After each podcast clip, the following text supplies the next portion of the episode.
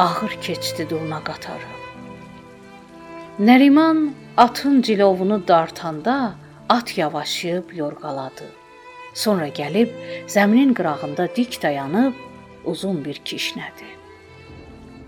Tərlan səsə tərəf dönüb Nərimana yaxınlaşdı. Nəriman zəmiyə baxa-baxa "Bəh, bəh, bəh, bəh, bərəkətli olsun" deyəndə Tərlan onun sözlərindən vəcdə gəlib dönüb yenə də zəmini gözdən keçirdi. Qotanlı yurdu aran olduğundan əkini tez yetirərdi. Tərlan səhər tezdən gəlib zəmini yoxlayıb qayıtmaq istəmişdi. Ancaq əkini gördükdə ondan ayrıla bilməmişdi. Meh əsdikcə qızıl sümbüllər dəniz kimi dalğalanırdı. Tərlan bu mənzərəni seyr etdikcə ürəyində minlər arzu coşub daşırdı. Nəriman at üstə əyilib zəmidən bir neçə sümbül qopardı. O iki əlinin kəfəsində sümbülləri övkələyib samanını püflədi. Buğdasını ağzına alıb, "Maşallah, maşallah, qəribə buğdadır" dedi və zarafat yana "Əyə Tərlan, necədir sən də bu il bir toy çıxardasan?" deyəndə Tərlan "Əşi, sən ki mənim ürəyimi bilirsən, Xorasan nəzrim var" deyib dərindən bir köks ötürdü.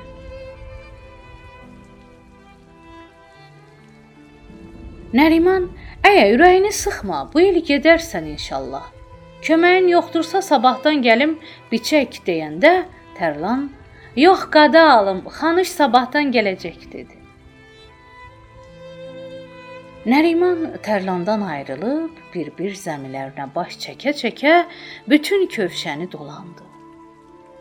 O, örüşü zəmiləri seyr etdikcə fərəhlənirdi. Yal yamacda hələ də bahar təravəti var idi. Bildirçinlərlə turaxaylar səs-səsə vermişdilər. Kəhliklərin nəğməsinə kəhliyotu ətri qarışmışdı. Təbiət insanın üzünə gülürdü. Çinarın kölgəsində kəhər tövşünü biraz aldı, Nəriman da çınqıllı bulaqdan doyunca su içdi. O bütün yol uzunu oğlu İlyarın toyunu necə dəbdəbəli keçirməsinə fikirləşirdi. Doğrusu, bu il Ambastanın bütün fəzasını toy-düyün xəyalı bürümüşdü. Hələ kimisi indidən gedib Aşıq Əbdüləlidən payız vədəsini də almışdı. Nəriman at üstündə oxuya-oxuya kəndə yaxınlaşırdı. Birdən bir gürultu onu dik dayandırdı.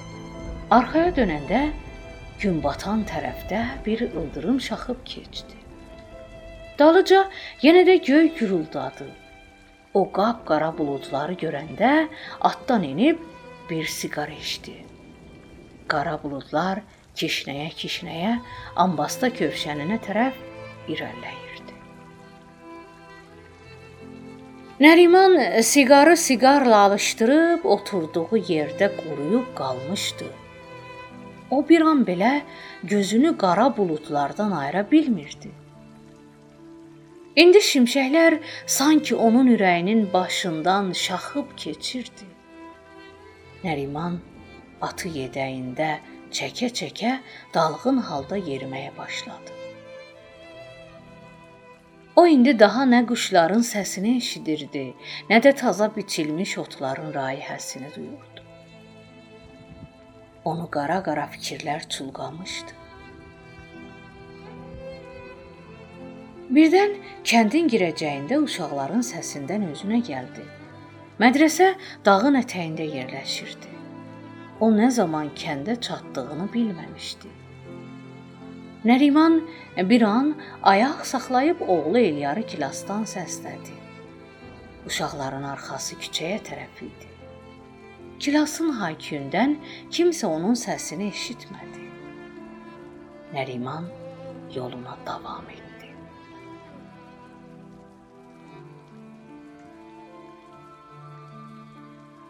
İmtahan günləri idi. Müəllimin taxtada yazdığını uşaqlar tez-tez dəftərə keçirdilər. Birdən qaranlıq bütün kilası çulqadı. Birazdan ildırım şaxıb kilası ağappaq nurla boyadı. Dalıca göy gurultusu damdaşı titrətdi. Müəllim səsdən diksinib dalı dönəndə gözü axır sırada Süleymana sataşdı. O tez-tez arxaya dönüb niyaran baxışlarla pəncərədən bayıra baxırdı. Müəllim onun adını səsləyəndə o yenə də yazmağa başladı. Ildırımlar dalbadal şaxıb, dalıca gümbultular sanki yazı taxtasında partlayırdı. Müəllim hələ də dərsə davam edirdi. Ancaq indi bütün uşaqlar tez-tez geri dönüb bayra baxırdılar. Onların daha bütün diqqəti havaya yönəlmişdi. Müəllim nə qədər çalışırdısa, kimsə dərsə qulaq asmırdı. Birdən neçə dolu taq-qataq şüşələrə toxunanda Süleyman ağlamağa başladı. Bu an uşaqlardan bir neçəsi də ona qoşuldular. Müəllim bu əhvalatdan heç nə başa düşmürdü. O daha dərsi boşlayıb, ovsunlanmış kimi təxtənin qabağında quruyub qalmışdı. Nəhayət özünü ələ alıb uşaqları dilə tutmaq istədi. Qorxmayın, nədən qorxursunuz? Dolu adama neylər ki, biraz yağı bindi kəsəcək, çıxıb gedərsiz evlərinizə. Uşaqlar sanki müəllimin səsini mütləq eşitməyirdilər. Dolu şıdırğılaşdıqca onların dağlaşması şiddətlənirdi. Müəllim Süleymana yaxınlaşıb əlini onun başına çəkib, "Süleyman, böyük oğlansan, sən niyə ağlayırsan?" demək istəyirdi. Süleyman Ağa, yazıq atam məşədə hazırlaşırdı. Bütün əkinimizi dolu vurdu, desə də yenə müəllim heç nə başa düşə bilmədi. Təkcə Elmnaz gəlib oğlunu kilasdan aparanda onun dırnaqlanmış yanaqlarının qanından hansı bir faciənin baş verdiyini başa düşdü. Süleymanın dalısıca bütün uşaqlar pəncərə qabağına yürüyüb üzlərini şüşəyə dayadılar. Onların gözləri dolunun yağması ilə bərabər göz yaşı yağdırırdı. Birdən ceyran "Ay nənə, ay nənə, gəl aşağı" deyə şüşəni döyəşlədi. Müəllim pəncərə qabağına yaxınlaşdı. Ərkinaz xala başına Quran alıb dam üstə dayanmışdı. Evlərdən dolunun altına ərsin atılırdı. Bütün kənd bir-birinə çaxnaşmışdı. Bir neçə nəfər əllərini göylərə ucaldıb buludlara yalvarırdı. Toyuq cücə çığıra-çığıra o yan bu yana qaçırdı. Kəndin bütün damları ağappaq ağarmışdı. Haçandan haçana dolu seyrəkləyib kəsən kimi bütün kənd əhli evlərdən eşiyə töküldülər. Qəmbər əmi barmağını buludlara tuşlayıb fələyin çərxini söyürdü. Qadınlardan kimisi yanaqlarını dırnaqlayıb sinəsinə döyür. Kimisi də saçlarını yola-yola oxşayırdı. Nalə şivən səsi kənddən daşlanıb kövşənə yayılırdı. Birdən Eliyarın gözü atlarına sataşan kimi kəndin ocağına tərəf götürüldü. Nəriman atını ocaq ağacına bağlayıb qolları qoynunda dayanmışdı. Bu an Tərlan incardan düşmüş buzlaya-buzlaya kəndə qayıdırdı. Onun başının qanı üz-gözünə axıb yayılırdı. Müəllim Süleymanın qolundan tutub zəmilərə tərəf yola düşdü. Kövşəndə hər zəmi başında bir matəm büsatı qurulmuşdu. Dəryada gəmim qaldı, biçmədim, zəmim qaldı. Dırnağımla yer eşdim, mənə də qəmim qaldı. Yay qurtaran kimi yenə müəllim şəhərdən kəndə qayıtdı. Bütün kişilər şəhərlərə işləməyə getmişdilər. Kəndidə təkcə qocalarla arvad uşaq qalmışdı. Hər səhər axşam evlərin dambacasından tüstü əvəzinə hicran nəğməsi ucalırdı. Təndirlər xəmir qoxusuna həsrət qalmışdılar.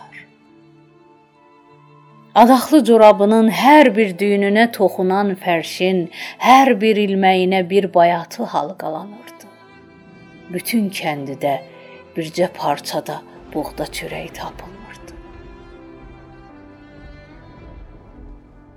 Gahdan bir evdə gizli bir odocaq olurdusa, arpa darı çörəyindən başqa bir şey bişirmirdi. Ancaq o da ki, doyun qarın olmurdu. Müəllim yenə uşaqları bir-bir tapıb mədrəsəyə topladı. Payız yavaş-yavaş solğun boyalarını kövşənə yayırdı. Uşaqlar da sanki payıza uğramışdılar. Şəhərdən gələn köhnə paltarlar onların əynində toğlanırdı. Onlarda dərsə rəğbət azalmışdı. Əksinə, hey biri-biri ilə dalaşıb müəllimə şikayətə gəlirdilər. Bu il nədənsə durnaların qatarı da ambasta göylərindən keçəndə həzin-həzin qaqqıldaşırdı. Günlərdə durna qatarı tək ağır-ağır keçirdi. Bu günlər müəllim hər dönə təxtə qabağına gedəndə gizli-gizli Süleymanı süzürdü. O qayıdıb öz yerində oturduqda yenə də Süleymana fikirləşirdi. Axı bu uşağa birdən-birə nə gəldi? Niyə günü-gündən rəngi solur? Heç elə bil ötən ilki uşaq deyil. Hər zaman deyib gülüb uşaqların dərsinə yetişirdi. O ki məndən heç sözünü gizlətməzdi. İndi nədən bir söz danışmır?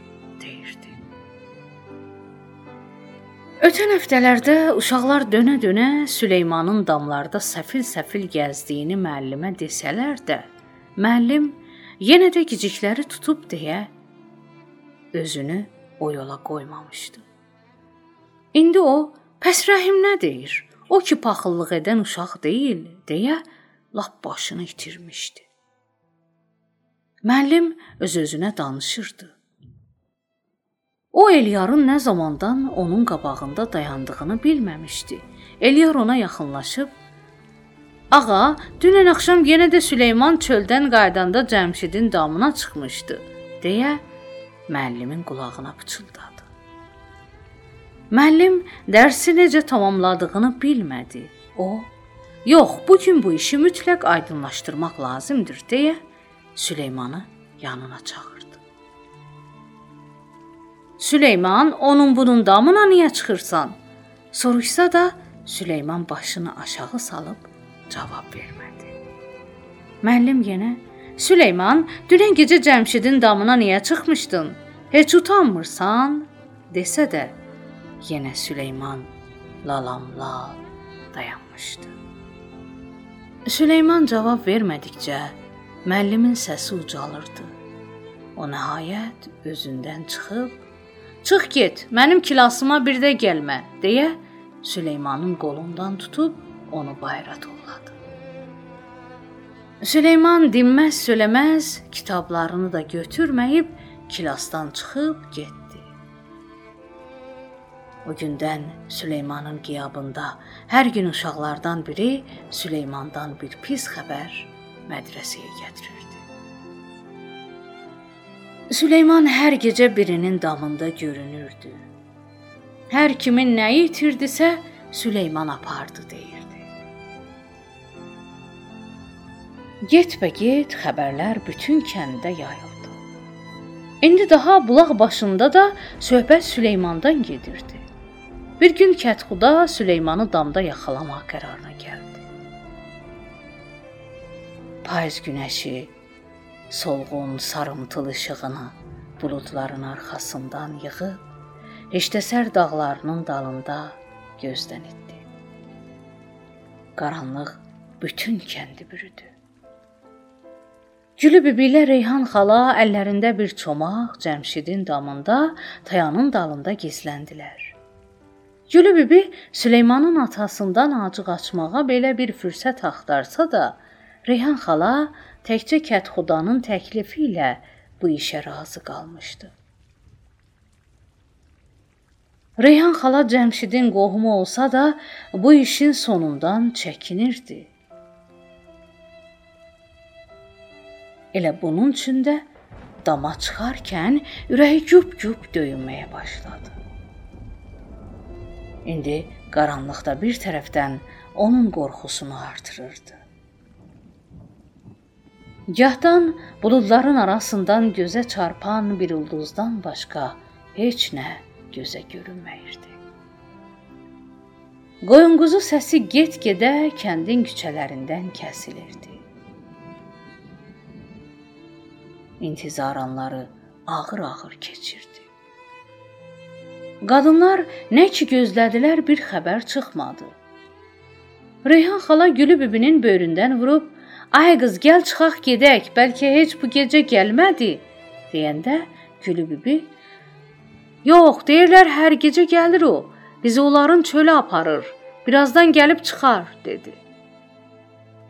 İndi kəndin malqarası da çöldən qayıdıb evlərə dağılmışdı. Daha kəndin küçələrindən bütün gəl-get kəsilmişdi. Səssizlik bütün kəndə hakim idi. Evlərin sarımtıl işığı şüşə dalından bayıra çıxa bilməsə də, qaranlığı biraz yumşatmışdı. Birdən Nəcəfin eti damda hürməyə başladı.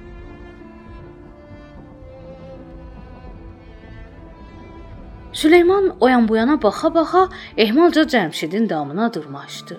O, ayaqlarını dərə-dərə damın bacasına yaxınlaşıb onun üstünə əyildi. Gülü bibi Reyhan xalanı dümsükləyəndə onun əlləri tir-tir əsirdi.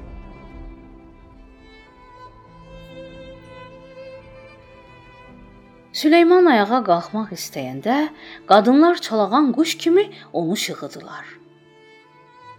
Süleyman, "Məni buraxın" deyə yalvarmağa başladı. Qadınlar onun iki qolundan möhkəm tutub, "Ay, gəlin, hay, oğrunu tutduq" deyə bağırırdılar. Gecənin səssizliyini pozan bu səs kəndə vəlvələ saldı. Hər kəs əlinə dəhrədən, oraqdan alıb səsə tərəf qaçırdı. Kətxuda söyüş verə-verə Süleymana yaxınlaşır. Gedə Tərlanın şəhərdə canı çıxır sənə pul göndərir, sən də qudurubsan, qoduq, deyə Süleymanın üzünə tüpürdü. Süleyman dinməz söyləməz başı aşağı dayanmışdı. Kətxuda Gedin Cəmşidin arvadını çağırın deyəndə İbiş tez həyətə tullanıb Sehrnaz bacı, Kətxuda deyir tez ol gəl, oğrunu tutmuşuq deyə evə girdi. Sehrnaz körpəsini ovudub dama çıxınca damda ayaq qoymağa yer qalmamışdı. Hamı oğrunu tanımağa can atırdı. Kimisi "Əyə kəndir gətirin, qollarını bağlayaq."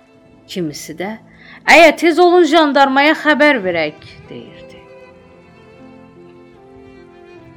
Sehrinaz izdihamı yara-yara irəli gedib əlindəki fanısı yuxarı qalxızanda Süleymanın gözlərindən iki damcı fanus işığı yanağına damcıladı.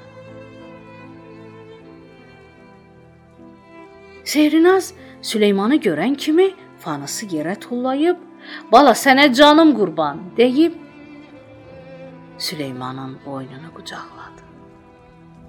Hamı heyrət içində yerində daşa döndü.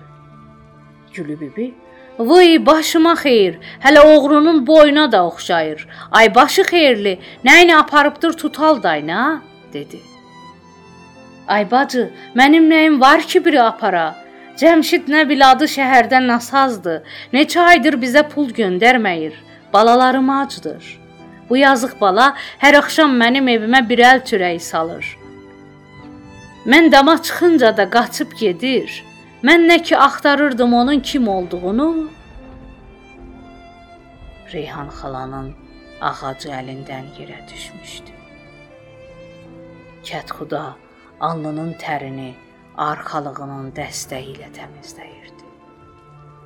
Ay buludun altından çıxıb hər yeri süd işığına boyamışdı. O gecə müəllimin otağının çırağı dan yeri sökülüncə yanır.